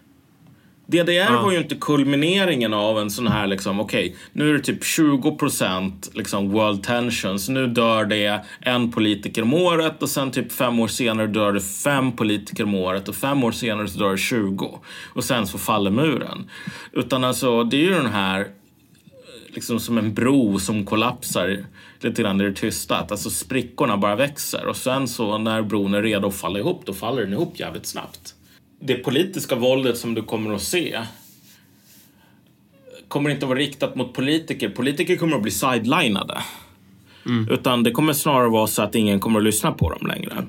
Um, en av de sakerna som jag sitter och funderar på det är väl lite grann vad risken är att det blir någon sån här interpenetration mellan typ medborgargarden och typ före detta poliser eller ett ännu värre så här, poliser i aktiv tjänst. Mm. Därför att de, Ja, det är väl inte alls otänkbart. nej, men om det händer så tror jag att politikerna kommer att bara sticka huvudet i sanden. Alltså. Därför att om du börjar säga så här, ja men nu ska vi göra oss av med 3000 politiker som är politiskt opolitliga. Alltså ingen i Sverige skulle acceptera det med en sån liten polisstyrka som vi har nu. Alltså då är ju nära så här fullt myteri. Då är det mycket bättre att låta de här liksom bara säga att ja, don't ask, don't tell. Ni håller på med kukolagliga saker på, på fritiden. Saker som undergräver våra, de styrande politikernas legitimitet. Men om vi typ gör någonting åt det, då kommer den här legitimiteten att kollapsa ännu snabbare. Det är sådana saker man ska hålla ögonen på snarare än sån här politiskt våld tror jag faktiskt mot politiker. Men vad tänkte du säga? Är vi inte där snart eller? Att vi har liksom eh, medborgargarden och typ...